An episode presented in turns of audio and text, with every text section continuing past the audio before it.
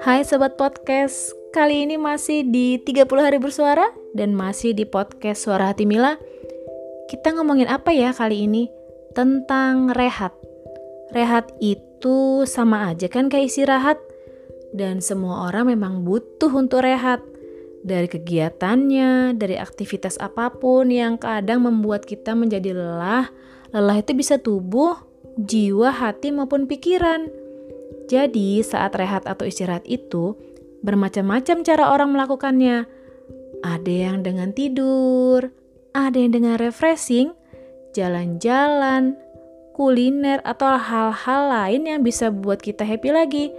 Bisa buat senang, juga makin bersemangat.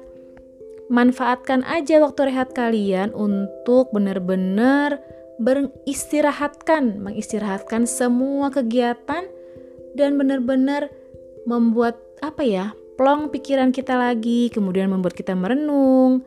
Bisa juga dengan cara mendekatkan diri kepada Sang Pencipta, introspeksi diri terhadap hal-hal yang sudah kita lakukan, dan dengan rehat dari semua kegiatan, mudah-mudahan semua hal-hal tersebut akan menjadi lebih baik dan menebarkan hal-hal positif di sekeliling kita.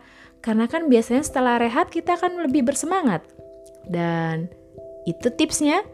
Apa pun yang kalian lakukan untuk rehat, pastinya akan membuat kalian lebih semangat. Jadi jangan lupa untuk beristirahat. Salam sayang dari Mila, tetap di podcast Suara Hati Mila.